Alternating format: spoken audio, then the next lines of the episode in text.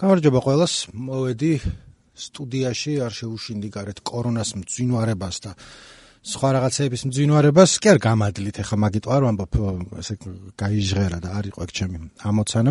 პირიქით იმის თქმა მინდა რომ თუ თქვათ იმის გამო დამემართა კორონავირუსი რომ პოდკასტის ჩასაწერად მოვედი ოფისში და მე რაღაც გართულდა და მოუკვდი და ამაზე გაგეცინათ ხსნილი გაქვთ. ბაზარი არ არის ანუ შეგძლეთ სინდისის კენჯნის garaშე ობიექტურად ძალიან სასაცილო იქნება.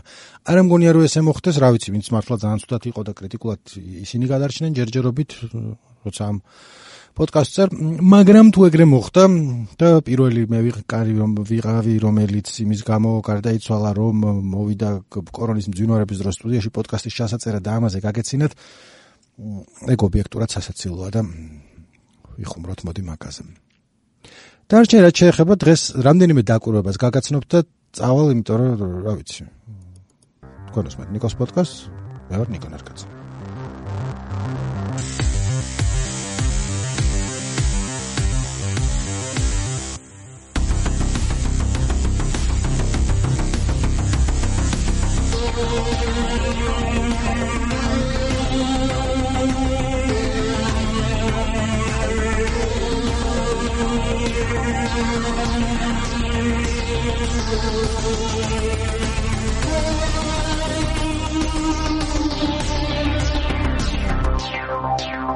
რაც შეეხება რამდენიმე დაკვირვებას, ძირითადად როგორც წარმომიდგენია, როგორც ხედავ ჩვენ დღევანდელ ურთიერთობას, ვილაპარაკებთ გირჩის ტელევიზიაზე.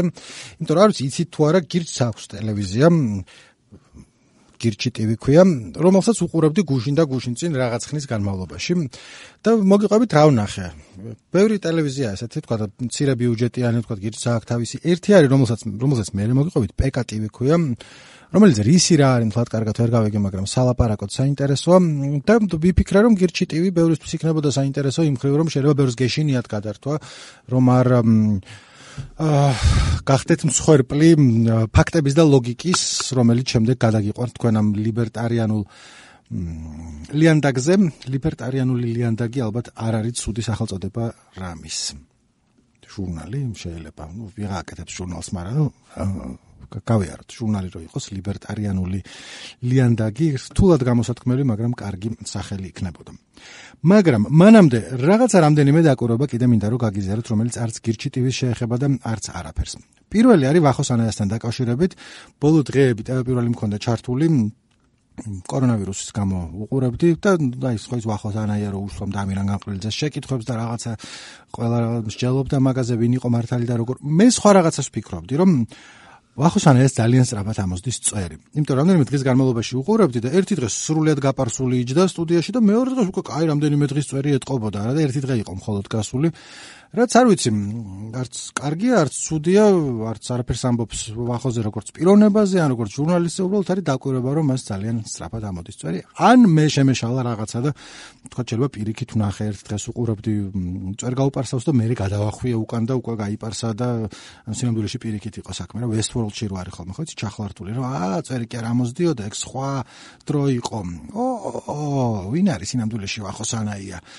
ახოსანაა და ინგა გრიგოლია უნახავს ერთმა ვინმეს ერთ და სადა იმავე დროსა და ადგილას არ უყურებთ ხო ვესტფორლს ამ თან მიჭირს ხოლმე რომ იმეს ურჩიო ან არ ურჩიო ვესტფორლდის ყურება იმიტომ რომ მე არ ვიცი მithkoms თუ არ მithkoms ჩემი საყვარელი შოუ არის არ ვამბობ რომ ყველაზე კარგია მაინდა-მაინც არც ვამბობ რომ ძალიან კარგია უბრალოდ რაღაცნაირად მოაქვს ჩემთან რა ჩემზე მოქმედებს. მესამე სეზონი არის ახლა რომელიც რომ 8 სერიანი იქნება სამწუხაროდ და მალე დამთავრდება ერთ თვეში და არაფერს ეგრე არ ველოდებოდი როგორც Westworld-ს, მესამე სეზონი ჯერჯერობით მაგრად ასწორებს და ჩემი აზრით ძალიან კარგია და განსხვავებულია პირველისგანაც და მეორესგანაც, მაგრამ რა ვიცი, იმედია რომ თავიდან რომ ვიხუმრე რომ რაღაც გარეთ კორონა მძვინვარებდა თქო, ისე არ მოვკვდები რომ სეზონის ბოლო მაინც არ ვნახო, იმიტომ რომ მე კაი ორი წელი არ იქნება. ან შეიძლება ნაკლები იყოს, იმიტომ რომ გაჩნია კორონავირუსთან დაკავშირებით როგორ განვითარდება მოვლენები ერთი, მაგრამ მეორე მანამდე Game of Thrones-ი უშლიდა ხელს, იმიტომ რომ ერთდროულად არ უშვებდნენ რაღაც შუაში რომ დრო ყოფილიყო Westworld-ზე უბრალოდ რო ვიწყებ ხოლმე ლაპარაკს ვეღარ ვჩერდები. სინამდვილეში აქ მთავარი იყო ახოსანაია და მისი წვერი, რომელიც კიდევ ერთხელ სწრაფად ამოდის. მეორე დაკვირვება მაქვს რომ ბიჭო რამდენი მეგობრები ყოლიათ ეს ოხერი ყველა დებს ხოლმე ზუმის კონფერენციებს ანუ არა ლექციების და რაღაც სამსახურებრივი შეხვედრის რომელიც გასაგებია არამედ ვიღაცა ჩემი მეგობრების ხედან და ზუმში სვამენ და ერთი 12 ფანჯარა აქვს გახსნილი და ყველა რაღაცა ო და მე რო ძალიან მომინდეს ახლა ალბათ სამ მეგობარს ვერ შევკრებ ერთად ზუმში ანუ ყავს მეგობრები განა ესა ვარ მარტო სული და მარტო ხელა და ვაიმე არც მინდა ანუ სხვამ რომ მითხრას რომ ახლა ზუმში შემოდი და ერთად ვიყოთ ცოტა ხანი ზუმში უარს ვეთყვი მე იმიტომ რომ ძალიან მეზარება. ისაც ლექცია ცალკე და სამსახური ცალკე და არ მინდა ხა მეგობრები ზუმში ვერ ხედავ მაგის უპირატესობას მაგრამ მაინც შემშურდა ყოჩახ თქვენ საღოლ რამდენი მეგობარი ყოლიათ რომ ზუმში 12 კაცი სვამთ ხოლმე და არ ვიცი არ ვიცი. კიდევ ერთხელ ყოჩახ ყოჩახ მაგას რაც შეეხება თქვა ზუმის კონფერენციებს და რამაც მოიტანა კიდე რაც მოიტანა კიდე კორონავირუსმა არის წინაზე ვახსენეს DJ-ებზე რომ ლაპარაკობდით, DJ-ის ლაივები რო არის ხოლმე, ხო? ბოლო პირველივე დღიდან თვით იზოლაციიდან შენ დარჩი სახში და ფარტის ჩვენ მოგვიწყობთ და დგას ვინმე DJ, ზოგი ჩემი მეგობარი, ზოგი მეგობრების მეგობარი, ზოგს არ ვიცნობ ვაფშე, მაგრამ ამ მნიშვნელობა აქვს და მიქსავენ და სულ ფიქრობ რომ ვის უნდა ახლა ეს ანუ ვის თავს ახლა ამას და სახშიც ანუ ერთი მხრივ ასწორებს რა თუ რაღაც აკეთებ, ჩართავ და ვიღაცა გიმიქსავს და ხო, მაგრამ მეორე მხრივ ხა ნებისმიერ ამის ჩართვა შეგიძლია, ეგრე ალბათ გაცილებით უკეთესი DJ-ებისაც ახლა ვინც ლაივს აკეთებს იმას გარ ვაღერებ შავრაწყობას, მაგრამ ნუ ვისაც ისინი უსმენენ ხოლმე შთაგონებისთვის, მომენტ იმის ლაივს ჩართავ, ან რაღაცა მიქს ჩართავ, თუ ხო არა, რა უცებ ლაივი იყოს. ეგ ერთი, მაგრამ მეორე მხრივ მესმის რატომაც კეთდება, იმიტომ რომ ხომ თელსოფლიოში პრობლემა რომ უამრავი ადამიანი დარჩა უმუშევრად და სამსახურის garaშე და რაღაცა შემოსავლის garaშე და განსაკუთრებით მტკივნეულად ეს შეეხო იმ ხალხს ვისი საქმიანობაც კიდევ ერთხელ DJ-ებთან ბოდიში, მაგრამ აუცილებელი არ არის, თქვათ ამერიკაში მუსიკოსები ჩივიან ხოლმე რომ ბენდი როგაკ ადრე დაუკრავდი ყოველ პარასკევს შაბათს, ჩვენთანაც ალბათ ახლა ბარში ვინც უკრავდნენ ისინი დარჩნენ შემოსავლის garaშე, მაგრამ დანარჩენი თქვათ აი ცნობილი უფრო ან ნახევრად ცნობილი ან ვინც ბარში უკრავს კი არა, აი ლაივები რო აქვთ ხოლმე რომ ბილეთები უნდა გაყიდონ, მაგათ განსაკუთრებული პრობლემა პრობლემა შეექმნათ. ეხლა საქართველოსში მაგხრივ პრობლემა არ შექმნიათ, იმიტომ რომ ისედაც არ ქონდათ ეს ლაივები, გარდა ბარში ვინც უკრავს იმისა, ცოტა იყო ხოლმე ძირითადად შემოსავლის წყარო ალბათ ეგეც არ იყო და მაგრამ იყო ხალხი ვისაც ქონდა ეს ლაივები და ვისაც ქონდა შემოსავალი და ეგები არიან ეგენი არიან დიჯეები ხო და მაგხრივ ხა თუ ტიბისი მიცემს ორ კაპიქსან თბილისის მერი ან რა ვიცი ვინც იქნება და დადგებიან და გამიქსავენ და 10 კაც მაინც გამოადგება და ჩართავენ იმის ნაცვლად რომ უსმინონ თქვა რაღაც lo-fi hip hop beats for studying and working მაგის ნაცვლად ჩართავენ თქვა DJ კომაზას. DJ კომაზა ხა მოვიფიქრე მე ძალიან კაი DJ-ია რომელიც მიქსავს და ლაივში შეგიძლიათ სტრიმოთ მისი მიქსვა მოკლედ შერეული გრძნობები მაქვს ამ DJ ლაივებთან დაკავშირებით. ერთი მხრივ არ მგონია რომ მაინდა-მაინც ვინმე სჭირდებოდეს გარდა თვითონ DJ-ებისა, მაგრამ ის რომ თვითონ DJ-ები სჭირდებათ, ჩემი აზრით სრულიად კარგი მიზეზია იმისთვის, რომ ეს ლაივები იყოს და ამიტომ ხანდახან ხოლმე რომ ხარი დაუჭირო რომელიმეს და ჩართავ ლაივს და კი არ უსმენ, იმიტომ რომ ეს კლუბში არ უსმენ ხოლმე და ეხა კიდე სახში უსმინო, მაგრამ მაინც მგონია რომ ხარდაჭერა ამ დროს მნიშვნელოვანია და კარგია და რაც შეეხება ხა როკ ჯგუფების ლაივებს, იმას საერთოდ ვერ უსმენ, გინდა სულ ძალიან ახლობლები იყვნენ რა ვიცი ხა რა აზრს ვერ ხედავ საერთოდ. სულ რა რა ვიცი კობეინი აღდგეს და ჩაატაროს ნირვანას ლაივი თუ ახლა ძველ სიმღერებს დაუკრავს მაინდა-მაინც ხე შევხედავ ინტერესის გამო მაგრამ ინტერესის გამო კი ახლა როგორ შევხედავ კაცი მკვდრიდან იქნება აღდგარი მაგრამ ნუ რაღაცა ჯგუფი თქვა რომ მოსაც ისა ნეშნალმა რო გააკეთოს ხო კაი მე ვასაბა შეიძლება ის ხშირად აღარ უსმენდე მაგრამ ნუ ერთ-ერთი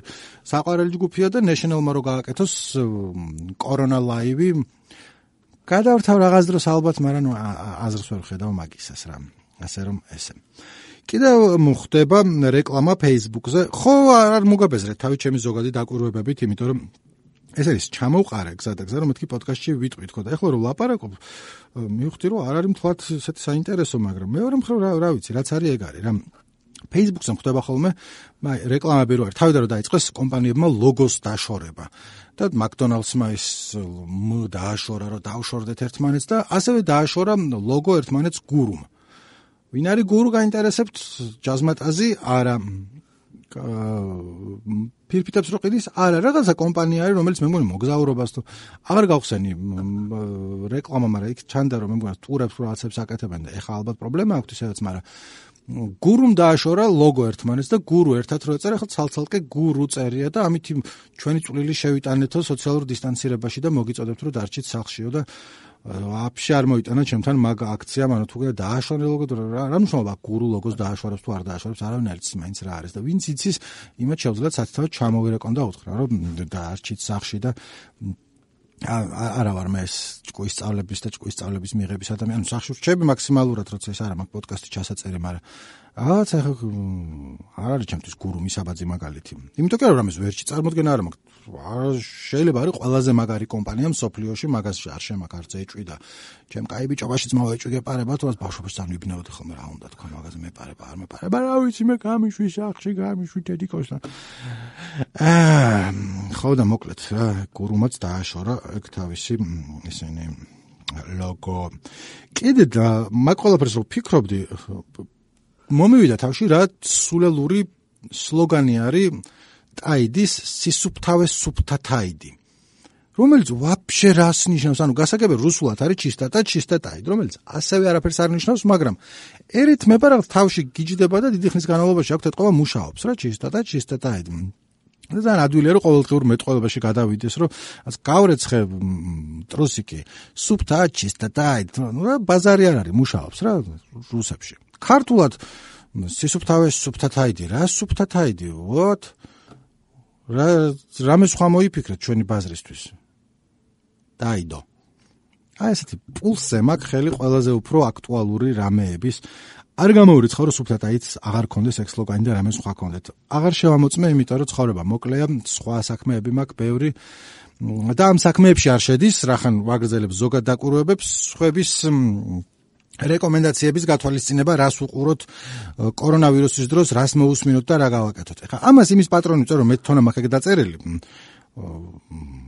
ერთ-ერთი ბლოგისთვის დავწერე, რაც პოდკასტებს ურჩევდი ადამიანებს, მაგრამ თხოვეს და დავწერე და არა მგონია რომ საერთოდ ვინმე გათვალისწინებს ჩემას და არ მეწყინება, იმიტომ რომ მე თონა წვის.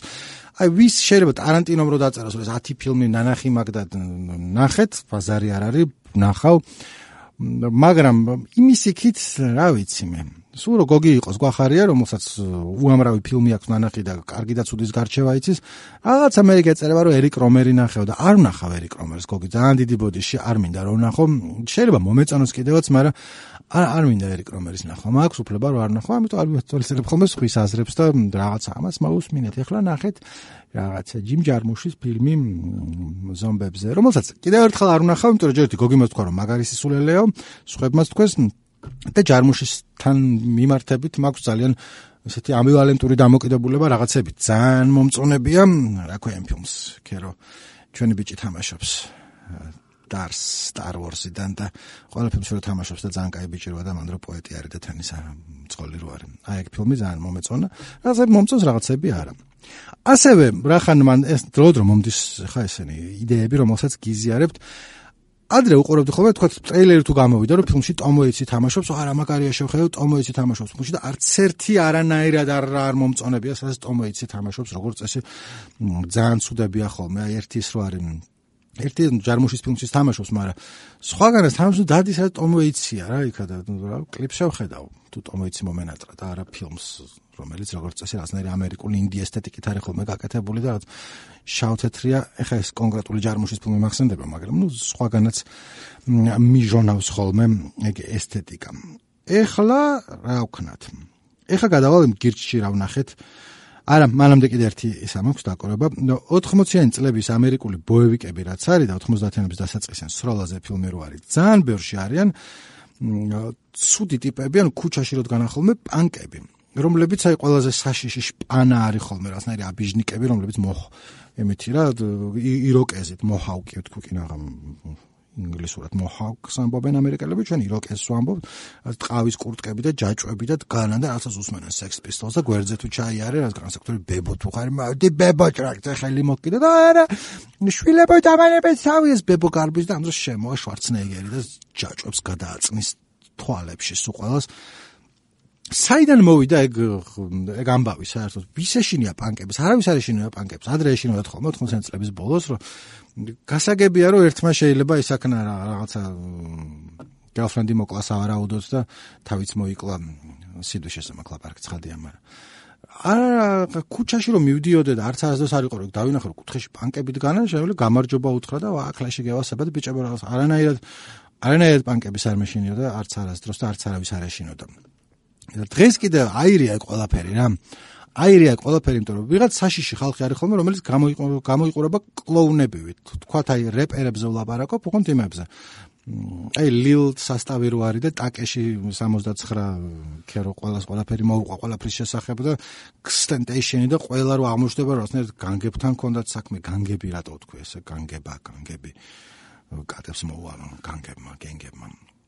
Anyway ткана რაღაცნაირად იასამნის ფერი თმა აქვს და ყვითელ ლურჯი ზედები და სახეზე ტატუები რაღაცა მზე ახატიათ და არა და რაღაცნაირად მე კი არ შემხოდრი არასდროს თბილისში ხალხი ქუჩაში, მაგრამ ალბათ არც იმათ არ შეხვედრიათ ამერიკაში. გაცილებით უფრო საშიად გამოიყურებდნენ ხარ მინდა რომ.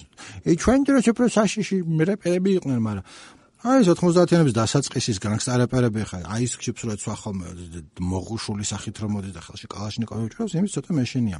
კი მგონია რომ რაღაც არაფერს დამიშავებს, იმიტომ რომ თავის გზაზე მიდის ალბათ, რა ვიცი, რა სისტემი უნდა დაახოცოს, ან შეიძლება ორი კაპიკი გააკეთოს, ბანკი გაძარცვოს შეიძლება, მაგრამ ნუ ყოველთვის შაშად გამოიყურებოდნენ. ეხლა ეხლა სიმღერას გავუშვებ და მე გადავალ გირჩი ტივიზე. დარჩე რაც ქონდა ჩამოყრილი უმეტესობა აა გაგიზიარეთ. ხო და რა სიმღერა მინდოდა რომ მომესმენინებინა თქვენთვის, რომ შეიძლება არ იცოდეთ J. Cole-ს რო აქვს სიმღერა No Role Models. დაწერილი, შეიძლება იცოდეთ რომ ძალიან ცნობილი სიმღერაა ჰიპ-ჰოპის სამყაროში, მაგრამ მის გარეთ ისე რა, უფრო ამერიკაში არის ცნობილი. J. Cole-ი თუ არ იცით J. Cole-ი არის ერთ-ერთი ყველაზე უფრო სახელოვანი რეპერი დღეს სკაიტი პრეპერებს შორის რა, ანუ კენდრიკი და J. Cole-ი ეგეთი პონტია რა, თქვა ფუშათი რო დრეიქს ლანძღავდა თავის ტრეკში სიმღერაში. ესე ამბობდა რომ I believe in myself and the Coles and Kendricks. ეს Cole არის J. Cole რომლის სიმღერაც არის No Role Models. აუ ძალიან მომწონს ჯერ თვითონ ბიტი მომწონს მაგარია. J. Cole მაგრარე პავს და შინ არის ეს რომ გავიზარდეო მშობლები მე არ მყავდაო არ ვიცი რატო არ ყავდა მშობლები ახლა მაგას აღარ ჩავღრმავდები და ჩემი ოჯახი იყო ტელევიზორში რასაც ხედავდიო Fresh Prince of Bel-Air-ის სასტავს აღწერს რა მაკათო ვენეცუელეო და მე ყובה როგორ ნამდვილი სიყვარული უნდა და არ უნდა ეს ტყუილი ქალები ბიჩის ამბობს ძალიან ბევრჯერ რომლებიც რაღაც თქვა რეალიტი ტივიზე არიან და მარტო იმიტომ არიან ჯეი კოლთან რომ ეს ტელევიზორში ჩანდა და რეპავს და ისე სულ ერთი იქნებოდა მათზე და ნამდვილმაო კაცმაო კაც არ ამბობს ნიგაზ ამბობს მაგრამ მაინც უნდა იცოდესო განსხვავებაო ვინ არისო კარგი ქალიო და ვინ არისო ფულს დახარბებულიო და ცოტა მიზოგინიურად ჟღერს ესე რომ ყვები მაგრამ რო უსმენ არის მან არ არის ისე რა რომ ფუ ქალები ყველანი ფულზე არიან გადაკიდებული მაგას კი არ ამბობს ამბობს რომ არიან უამრავი ვინც არ არიან მაგრამ ვინც არიან ისინი არიან და ცოტა უნდა განასხვავო ერთი მეორისგანო მაგრამ თან არის ბიტი აქ რა გაგეკიდება სერიოზულად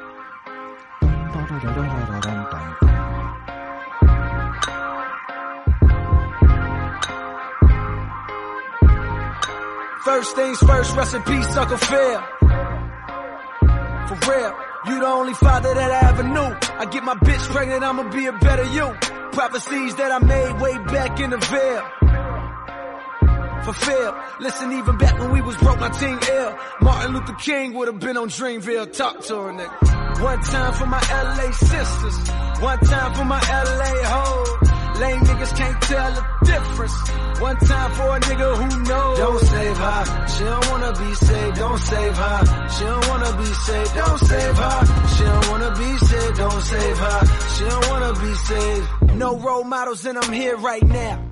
No role models to speak of. Searching through my memory, my memory, I couldn't find one. Last night I was getting my feet rubbed by the baddest bitch. Not Trina, but I swear to God, this bitch will make you call your girl up and tell her, hey, what's good? Sorry, I'm never coming home, I'ma stay for good. Then hang the phone up and proceed to lay the wood. I came fast like 911 in white neighborhoods. Ain't got no shame about it. She think I'm spoiled and I'm rich cause I can have any bitch. I got defensive and said, nah, I was the same without it. But then I thought back, back to a better me. Before I was a B-list celebrity, before I started calling bitches bitches so heavily. Back when you could get a platinum plat without no melody, you wasn't sweating me. One time for my LA sisters, one time for my LA hoes. Lame niggas can't tell the difference. One time for a nigga who knows. Don't save her. She don't wanna be saved. Don't save her. She don't wanna be saved. Don't save her. She don't wanna be saved. Don't save her. She don't wanna be saved. I want a real love. Dark skinned and Aunt Viv love. That Jada in that real love. That leave a toothbrush at your crib, love. And you ain't gotta wonder whether that's your kid, love. Nigga, I don't want no bitch from reality shows.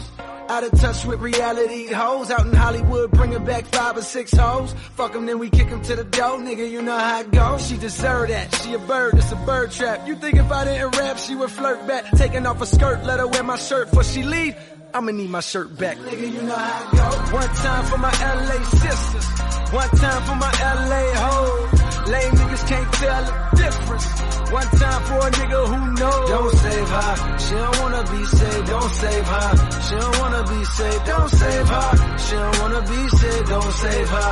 She don't wanna be saved. There's an old saying in Tennessee, I know it's in Texas, probably in Tennessee, that says, fool me once, shame on, shame on you.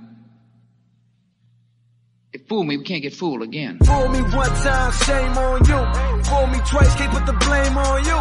Fool me three times, fuck the peace sign, load the chopper, let it rain on you. Fool me one time, shame on you. Fool me twice, can't put the blame on you. Fool me three times, fuck the peace sign, load the chopper, let it rain on you. My only regret was too young for Lisa Bonet. My only regret was too young for Nia Long. Now all I'm left with is hoes from reality shows. Handle a script the bitch probably couldn't read alone. My only regret was too young for Sade Adu. My only regret could never take Aaliyah home. Now all I'm left with is hoes up in Greystone. With the stale face cause they know it's they song. She shallow with the pussy, she shallow. She shallow. She shallow with the pussy, she shallow. She shallow. She shallow with the pussy, she shallow.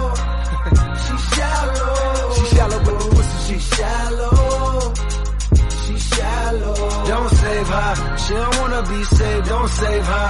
She don't wanna be saved. Don't save her. She don't wanna be saved. Don't save her.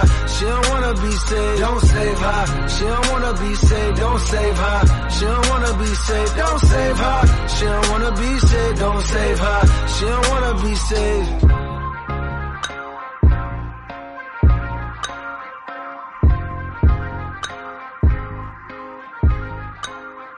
უკანთან საიდან გამახსენდა ეს ტრეკი საერთოდ რომ მოდიოდი ოფისში თან ფიქრობდი თან ტარა ტარა ტარა თან თან თან და მეთქი საიდან არის საიდან ერთად დრო დრო ამეკედება ხოლმე რაღაცა და არ მახსენდება არასდროს საიდან არის და ვიტანჯები დიდი ხნის განმავლობაში და ამოვედი ოფისში და მეთქი ეი ჯეი კოულია ესა იო ტა ტა ტა ტა თან ტა ტა ტა ტა ტა თან თან თან მეთქი აგიზიარებდით თან კაი ტრეკია და თან სალაპარაკოც იყო მის გარშემო ეხა რა შესაქმე რომ მე დროად რომ მიყვარს ხოლმე სხვა სხვა არხებზე მოგესამაკ სახში. მაგთი მაგ მაგრამ ნუ მანამდე სილკნეტი მქონდა და რატო შევცვალე? იმიტომ რომ სილკნეტს არ ქონდა ისა ოპტიკური ინტერნეტი, ჩემთან მქონდა DSL-ი დიდი ხნის განმავლობაში სადაც ბევრს ვიხდები და მე მაგ შემოვიდა და იმათ თქვეს რომ კაი ოპტიკას გამოვიყვანო შენთან და მეთქე გამოიყვანე ბაზარი არის სულ ერთია ტელევიზორს მაინც არ უყურებ თავარი სწრაფი ინტერნეტი იყო შედარებით იაფად თქო. ეხა თუ არ ვხდები სილკნეტისაც მაქვს, მაგრამ ეხა გადასვლა მეზარება თან მიზეს ვერ ხვდები სულ ერთია ჩემთვის. ესენი რატო გითხარით? იმიტომ რომ არ გამოსულოდა რომ მაგთისკენ არ თუ სილკნეტისკენ საერთოდ სულ ერთია ჩემთვის უბრალოდ ვინც პირველი გამოიყვანა ოპტიკური ინტერნეტი იმას ჩავ ჩაუბარდი მას ჩაუბარდი მთელი ჩემი შეეულით და ფოლად. და ეს არხები არ უყურებ ტელევიზორს. გარდა იმ შემთხვევებისა როდესაც ხანდახან მინდება ხოლმე ხო არის ქართული არხები და ერთი 100 ქართული არხი ანუ რამდენიმე ძირითადი და მე რაღაც უცნაური არხები რომელსაც რატო არსებობს, როგორ არსებობს, ვინ აფინანსებს, ვინ უყურებს, რა ხდება, ეგეთი უამრავი არხია. ზოგი არის რეგიონული, ანუ შეიძლება თქვა, რომ საფერავი ტივი რატო არსებობს და არ ვიცი, რატო არსებობს საფერავი ტივი ქვია და რამდენჯერაც გადავერთი ხო სასხალხი ღვინოზე ლაპარაკობდა, რაც არ ჩავერთე, მაგრამ ნუ არ ვიცი მაგის მაყურებელი ვინ არის, შეიძლება აწმენში რეგიონული არხია და კახეთში სადღაცა ხალხი უყურებს და ბაზარი არ არის. ხო და ერთ-ერთი ეგეთი არხი არის გირჩი TV, რომელიც რეგიონული არ არის, გირჩის არხია. და სულ მაინტერესა მეთქი ნეტა რეებს აჩვენებენ იქ და გუშინ წინ რახან სოციალური იზოლაცია სახში ვიყავი ბარემ და რაღაც სხვა არაფერი არ ხდებოდა მეთქი გადავრთავ და შევხედავ თან ცოტა მეშინოდა რომ მეთქი არ მაინც რისკ ჯგუფში ვარ რა გირჩის იდეოლოგიის და შეიძლება უცებ რადიკალიზმი შემომწოლოდა და გირჩი გავწევრიანებ ხო იცი მაინც შუახნის მამაკაცი როცა ხარ მელოტი რა ვიცი ამ შუახნის კრიზისი ქვია ხო ხო ძალიან ადვილია რომ უცებ ჩაერთო და მილტონ ფრიდმენი არ ვიცი არ ვიცი ვერ ვერკვევ ეკონომიკაში მაგრამ ნუ რაც მე მომისმენია ბევრი ისინი საერთოდ ხოლმე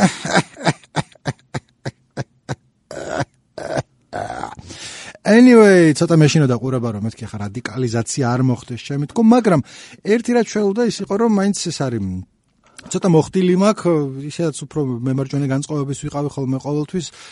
და თან ცოტა არ მაინტერესებს რომ რაღაც ჩავება რამე идеოლოგიაში, ასეთში თუ ისეთში ორივე ფეხით. და ამიტომ მეთქი, კაი, გაუძლებ.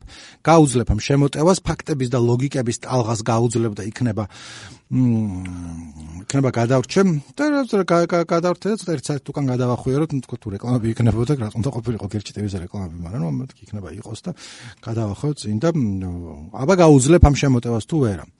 აღმოჩნდა რომ კი არ გეტყვით რომ ყველა მთელი დღის განმავლობაში უყურებთ თქო საერთო ჯამში ალბათ 1-2 საათი მქონდა ჩართული და ამ 1-2 საათის განმავლობაში ერთადერთი რაღაც თქვა იდეოლოგიური შემოტევა რაც იყო სავარაუდოდ იყო რაღაცა დოკუმენტური ფილმი ეჭვმაკ ლიბერტარიანიზმის სიკეთებზე იმიტომ რომ არ მინახავს არ მინახავს იმიტომ რომ იყო ალბათ 70-იან წლებში გადაღებული რომ შეხედავ ძველი არ კი არა ტაიგერ კინგი არ მინახავს და ხარ შემიძლია დოკუმენტური ფილმის ყურება ეკონომიკაზე.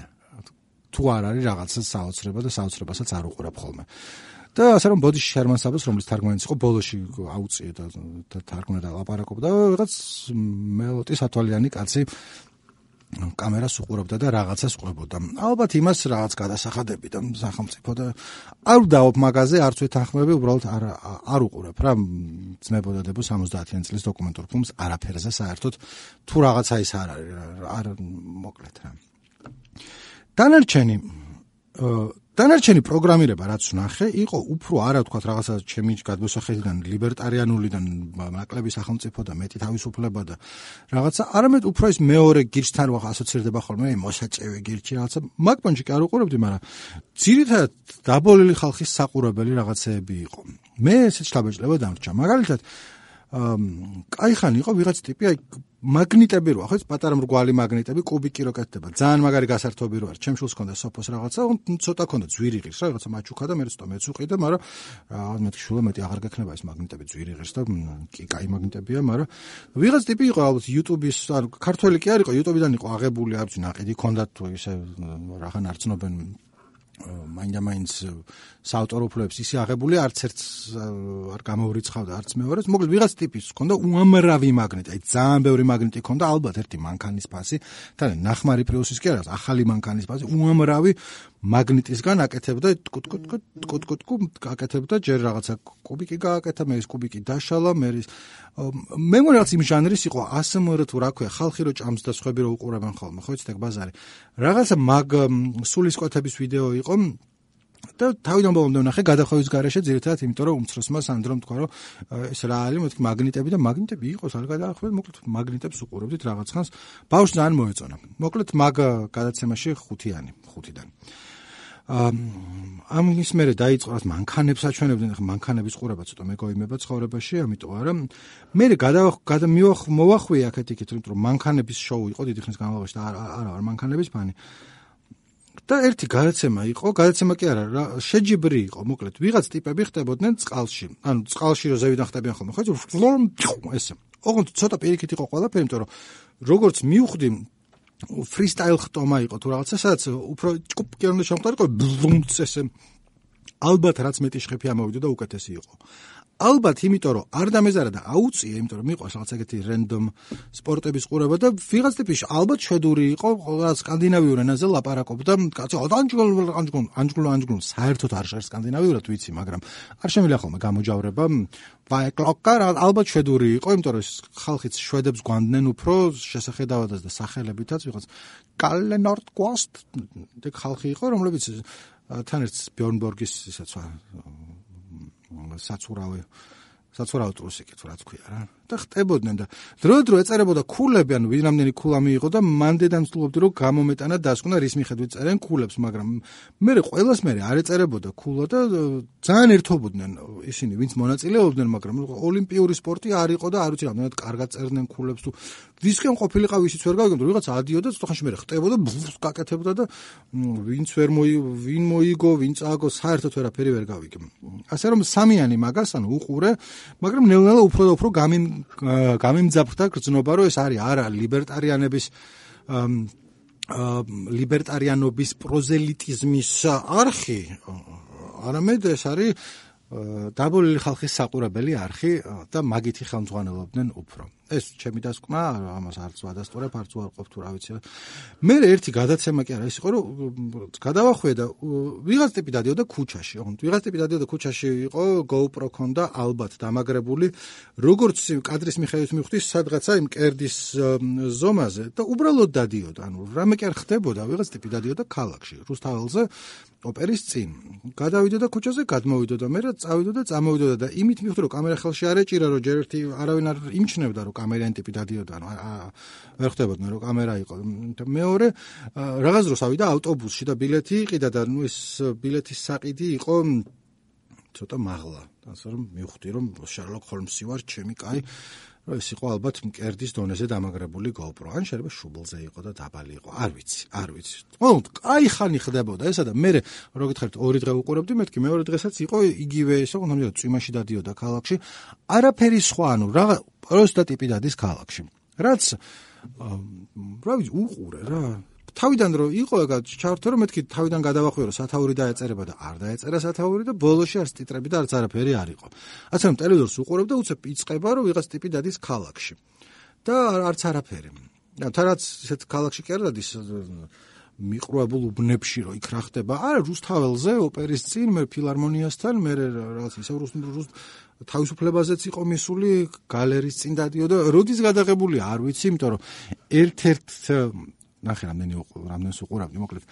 ერთი რო არ წვიმდა იქ ორი ორი ორი ნახე ერთგან წვიმდა მეორეგან არ წვიმდა. და როცა არ წვიმდა ჩაიარა სავალუტო ჯიხურთან და 2.87 იყო კურსი რაც ალბათ რაღაც ხნის წინ იყო რამდენიმე თვის წინ გადაღებული და მე რო წვიმდა ის ალბათ უფრო ახალი იყო რომ ქუჩაში არავინ არ იყო და გავდა სოციალური იზოლაციის დროს თბილისს. აა გადაცემები, ა ერთი დაიწყო, ერთი გადაცემა იყო, ამირან გამყრელიძე ერქვა, რასაც გამეცინა, იმიტომ რომ ბიჭ ბიჭ და გოგო ისხდნენ და გოგო ისხდნენ რა გოგო ის არის ნათია გამყრელიძე მეგობარი ჩემი, ბიჭს ალბათ ამირანი ერქვა, იმიტომ რომ გადაცემას ამირან გამყრელიძე ერქვა და სასაცილო იყო. ანუ სათაური იყო სასაცილო. თუ რასაც ლაპარაკობდნენ, არ ვიცი სასაცილო იყო თუ არა, იმიტომ რომ მაგ დროს ჩაწეული მქონდა და სახში მაგ რაც უაზრო ელექტრო ჩაიდანი. რომელსაც რო ჩართავ რაღაც ხანში იწყებს ცოტა დიდხანს ადუღებს წყალს და აა ესა მაქვს რომ მისაღების ამზარულო ერთად რო ცალკე ამზარულო არა მაქვს პატარა ბინაში ცხოვრობ და ჩაის ადუღება თუ კიდე რაღაც ხანი ყველანაირი ყველაფერი ჩერდება ამ სახში. და არაფერი აღარ ისმის ფილმს ვერ ნახავ ყველაფერი უნდა დააპაუზო ყველაფერი უნდა დააპაუზდეს როგორც ეკონომიკა დააპაუზდა კორონავირუსის დროს. და სწორედ მაგ დროს იყო როდესაც ჩაის ჩავარტყი ხელი ანუ ჩავარტყი ხელი საცემად კი არა ჩავაჭერე რომ ადუღებულიყო და ამ დროს დაიწყო იმან თავისი და აი მე მეთქეს რა ხდება და ანუ იმის თქმა უნდა არ მომისმენია რაზე ლაპარაკობდნენ. და იქ როგორც მივხვდი რაღაც team viewers აპლიკაციას ხსნიდნენ როგორ უნდა დააყენო.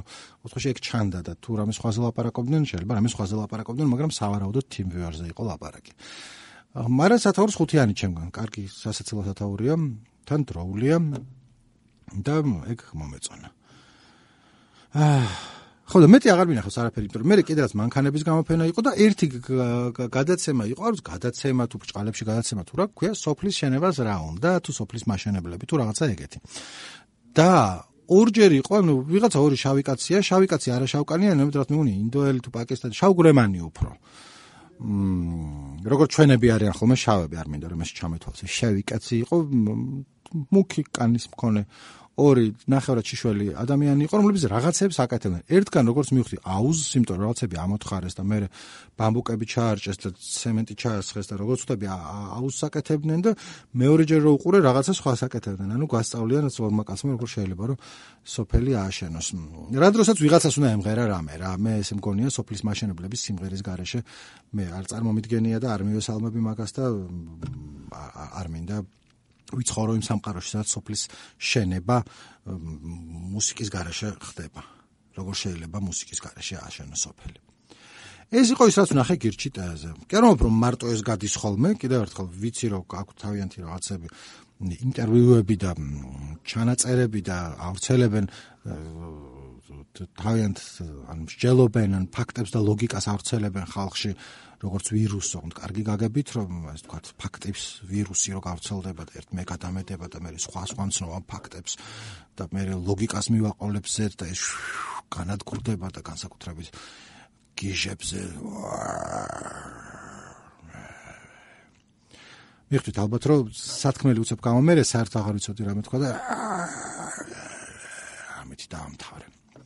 კიდევ ცინგარა მქონდა მომზადებული მაგრამ მაგაზე ლაპარაკიც მინდა რაღაცეები და ამ თვითონ ამოვწურე მთელი ჩემი რესურსი. აა ყველანაირი ყველაფრის თან არ მინდა ერთი საათი იყოს გადაცემა, რომელსაც რომელსაც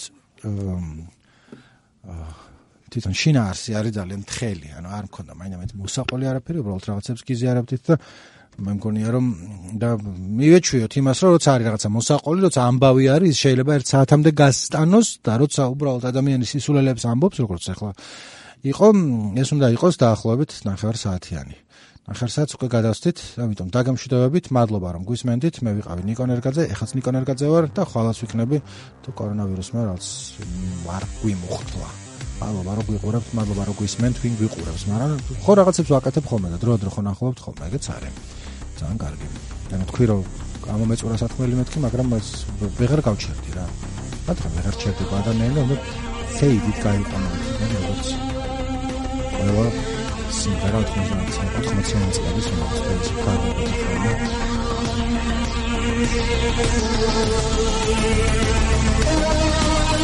好啊